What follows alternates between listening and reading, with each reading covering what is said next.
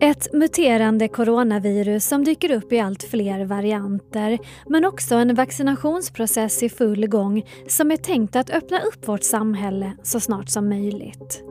Det känns som att vi befinner oss i en kapplöpning mot tiden och också som att vi får fler och fler frågor som behöver besvaras. Som, eh, ska vi förvänta oss ännu fler mutationer? Går vaccinerna att göra om så att de passar även mot dem? Och nu när vi påbörjat vaccineringen har vi börjat märka några effekter på smittspridning och dödsfall. Allt det här och lite till ska vi prata om i dagens Aftonbladet Daily. Och vi gör det med Ali Mirazimi som varit återkommande gäst i den här podden och som är adjungerad professor i klinisk virologi vid Karolinska institutet. Vi har ju redan fått in den brittiska och sydafrikanska mutationen och nu rapporteras det om kluster av den brasilianska i Sverige. Vad vet vi om de olika mutationernas utbredning just nu? Vi hör Ali Mirazimi.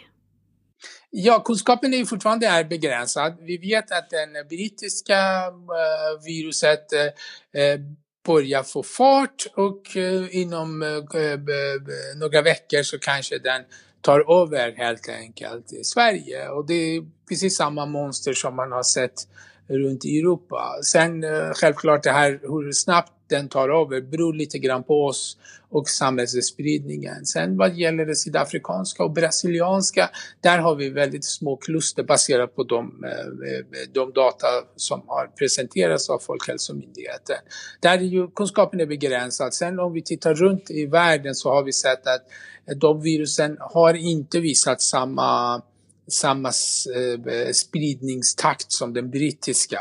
Men det, det, som sagt, kunskaperna är fortfarande väldigt begränsade. Görs det tillräckligt för att spåra och bevaka alla de här mutationerna?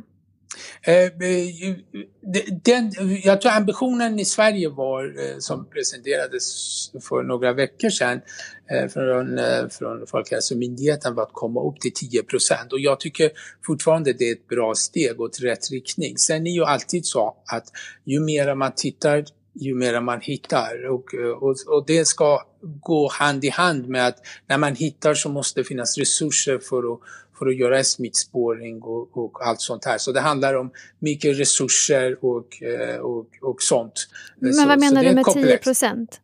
10 procent av positiva prover. Så, så ambitionen har varit att 10 procent av de som blir coronapositiva ska göras en hel genomsekvensering och då, då kan vi se om det är brittisk mutation eller om det är, det är sydafrikansk virus. Det, och, och det var ju ambitionen. Nu vet jag inte om vi har kommit upp till 10 procent eller inte.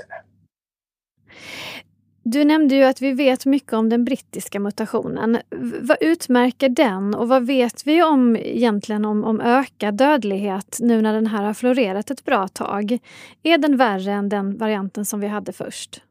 Alltså fortfarande finns inga tydliga data som pekar på att den ska vara värre som sådant. Eh, det finns eh, som sagt det finns olika studier, vissa visar mer dödlighet, sen finns det studier som visar mindre eller samma, samma dödlighet. Så där är vi fortfarande inte, eh, vi vet inte så mycket mer. mer men däremot eh, det, tror jag att det finns tillräcklig data för att kunna säga att viruset sprider sig mer effektivt.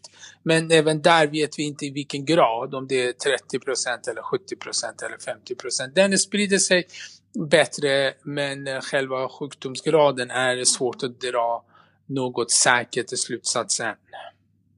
De här mutationerna liknar ju varandra. Betyder det att det är lätt att göra om vaccinen så att de fungerar bra även mot de olika mutationerna? Ja absolut. Alltså, de här mutationerna, det är små mutationer som sker eh, på det här spike-proteinet. Det är just det eh, proteinet vi gör vaccin. Eh, så, så i och med att de är ganska små mutationer och även varit lite större så hade det inte varit något problem för de här nya teknikerna och kunna göra om sina vacciner så att passar, eh, passar perfekt till eh, diverse olika eh, mutationer. Så, så svaret är ja och eh, även de här teknik teknikerna kan ta även större mutationer. Och visst är det så att vissa av de här vaccinproducenterna redan har börjat eh, testa att göra om vaccin? Ja, absolut. Det är flera av dem. AstraZeneca börjar göra om sitt så att det skulle passa till sydafrikanska. Sen Moderna börjar titta på det och eh, så, så de flesta av dem börjar titta på det. Sen är frågan om det verkligen behövs. Där är, ju, där vi, där är vi inte så säkra på. Eh, och då får vi se när vi har lite mer data om det behövs verkligen att, att göra. Eh, men så småningom måste vi göra, kommer det komma nya mutationer och då måste vi ha verktyg för att bekämpa alla de nya mutationer som kan komma. En del av de här mutationerna saknar ju resekoppling. Är det förvånande? Ja, men alltså det beror på vad man menar med själva mutationerna. Om man menar själva virusen, eh, då ska det finnas en viruskoppling eh, eller en resekoppling. Men om det är bara en enstaka mutation man tittar på, då de kan även ske här på hemmaplan.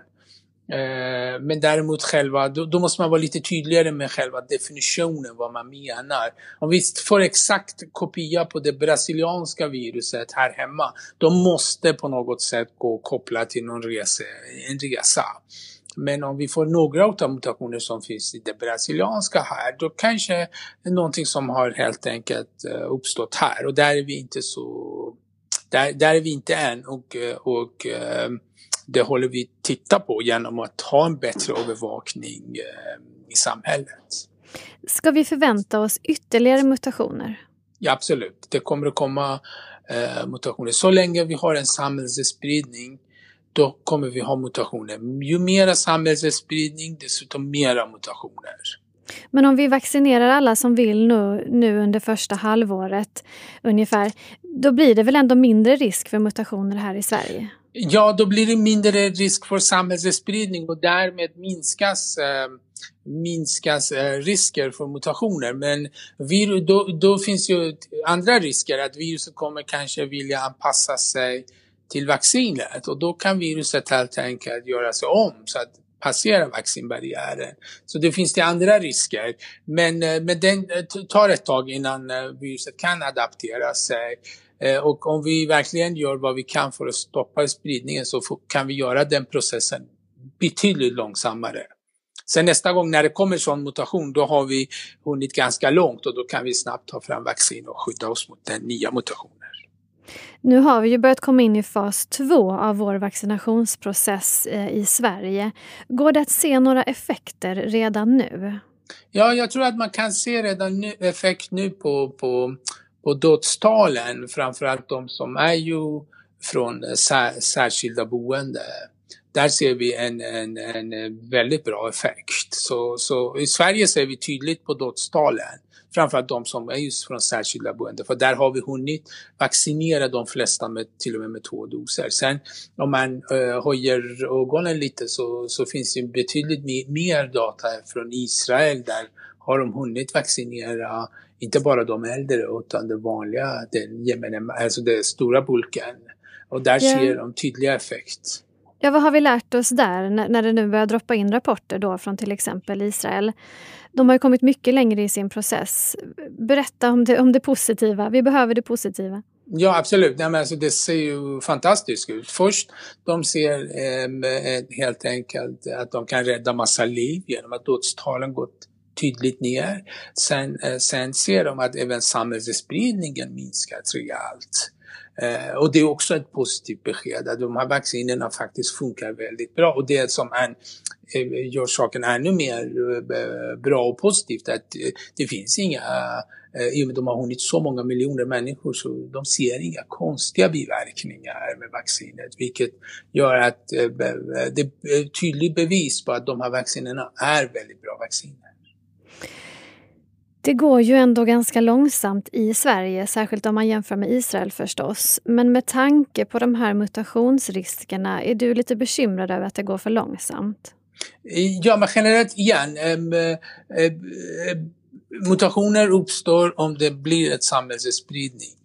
Eh, vaccin är ett sätt att stoppa det, men sen vi själva kan också hjälpa till att stoppa samhällsspridning. Så det är lite upp till oss också att försöka göra vad vi kan eh, på individbasis för att försöka stoppa samhällsspridningen. Det är det vi vill komma åt. Sen, sen givetvis, vaccin är ju en viktig del i det hela och, och, och det gäller att försöka få så mycket vaccin som möjligt eh, till oss. Och, och jag tror att eh, det finns en hel del som står i kö och kommer att bli snart godkända i Europa, bland annat Janssen Janssen som är planerat att bli godkänd inom närmaste veckorna. Så, så då kommer vi få ännu fler doser. Men det lilla vi kan som individ göra bör vi göra. Mm.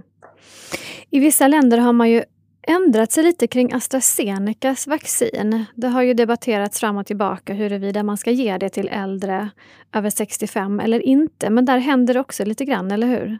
Absolut, det händer, det händer ganska mycket. Och eh, sen ska man komma ihåg att eh, eh när vaccinet blev godkänt i EMA, eh, då var ju godkänt för alla över 18 år. Så fanns ingen begränsning eh, vilka åldersgrupper inte ska ges. Och sen var det några europeiska länder som, eh, som tyckte att eh, de eh, data som presenterades av företaget var inte tillräckligt eh, stora för vissa åldersgrupper, däribland eh, de över 65 och de, de äldre.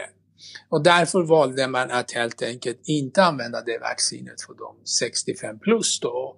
Däribland Sverige, Tyskland och andra länder i Europa. Så de gick den försiktiga steget. Men nu har det kommit eh, nya data som pekar på att vaccinet funkar även för de mycket äldre eh, med väldigt bra effekt. Till och med vis, de visar tydlig effekt redan vid första vaccindosen med AstraZeneca och även vid, eh, vid de andra, vid, vid Pfizers vaccin. Men det verkar som att det funkar vid den, vid den äldre. Så vissa länder har börjat titta, vissa av de här europeiska länderna börjar titta på eh, sina rekommendationer och, eh, och så lär väl Sverige också göra, titta på och sen får de titta lite mer noggrannare på de här råa data och sen om de här datan för att de här datan ska granskas nu eh, av experter för, för verkligen publiceras. Det är forskningsdata så normalt måste granskas av experter innan, experter innan man kan verkligen titta på dem. Så, så i väntan på det så får vi se vad våra myndigheter tycker, om de tycker de här datan är tillräckligt starka för att kunna ändra rekommendationerna. Sen ska vi komma ihåg att det är slutet av dagen, det handlar om att hur mycket vacciner vi har hemma. Just nu mm. har vi förseningar Eh, på de flesta av de vaccinerna, så även AstraZenecas blir godkänt, så det handlar om att ha dem hemma för att kunna ge till de eh, över 65. Just det, men då tycker jag vi fortsätter på, på lite positiva spåret ja. här. Den här typen av realtidsforskning som ni ägnar er åt nu. Ja. Vad är det senaste ni lärt er om coronaviruset som kan hjälpa samhället på väg framåt?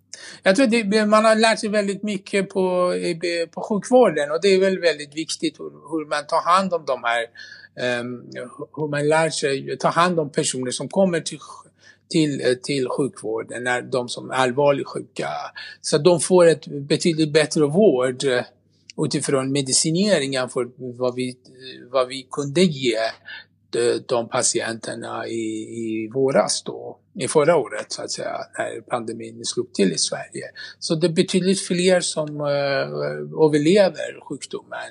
Men det är fortfarande en svår sjukdom, så vi lär oss hela tiden kring alla, alla, alltså på, på alla aspekter. Vi lär oss mer om hur man ska ta hand om patienterna. Vi lär oss dagligen om alla dessa vacciner som kommer. Och sen vi lär oss hur eh, eh, där samhällsspridningen bör bekämpas. Eh, även, även det lär vi oss dagligen. Så det går framåt, skulle jag vilja säga. Sist här hörde vi Ali Mirazimi, adjungerad professor i klinisk virologi vid Karolinska institutet. Jag heter Olivia Svensson och du har lyssnat på Aftonbladet Daily. Vi hörs igen snart. Hej då!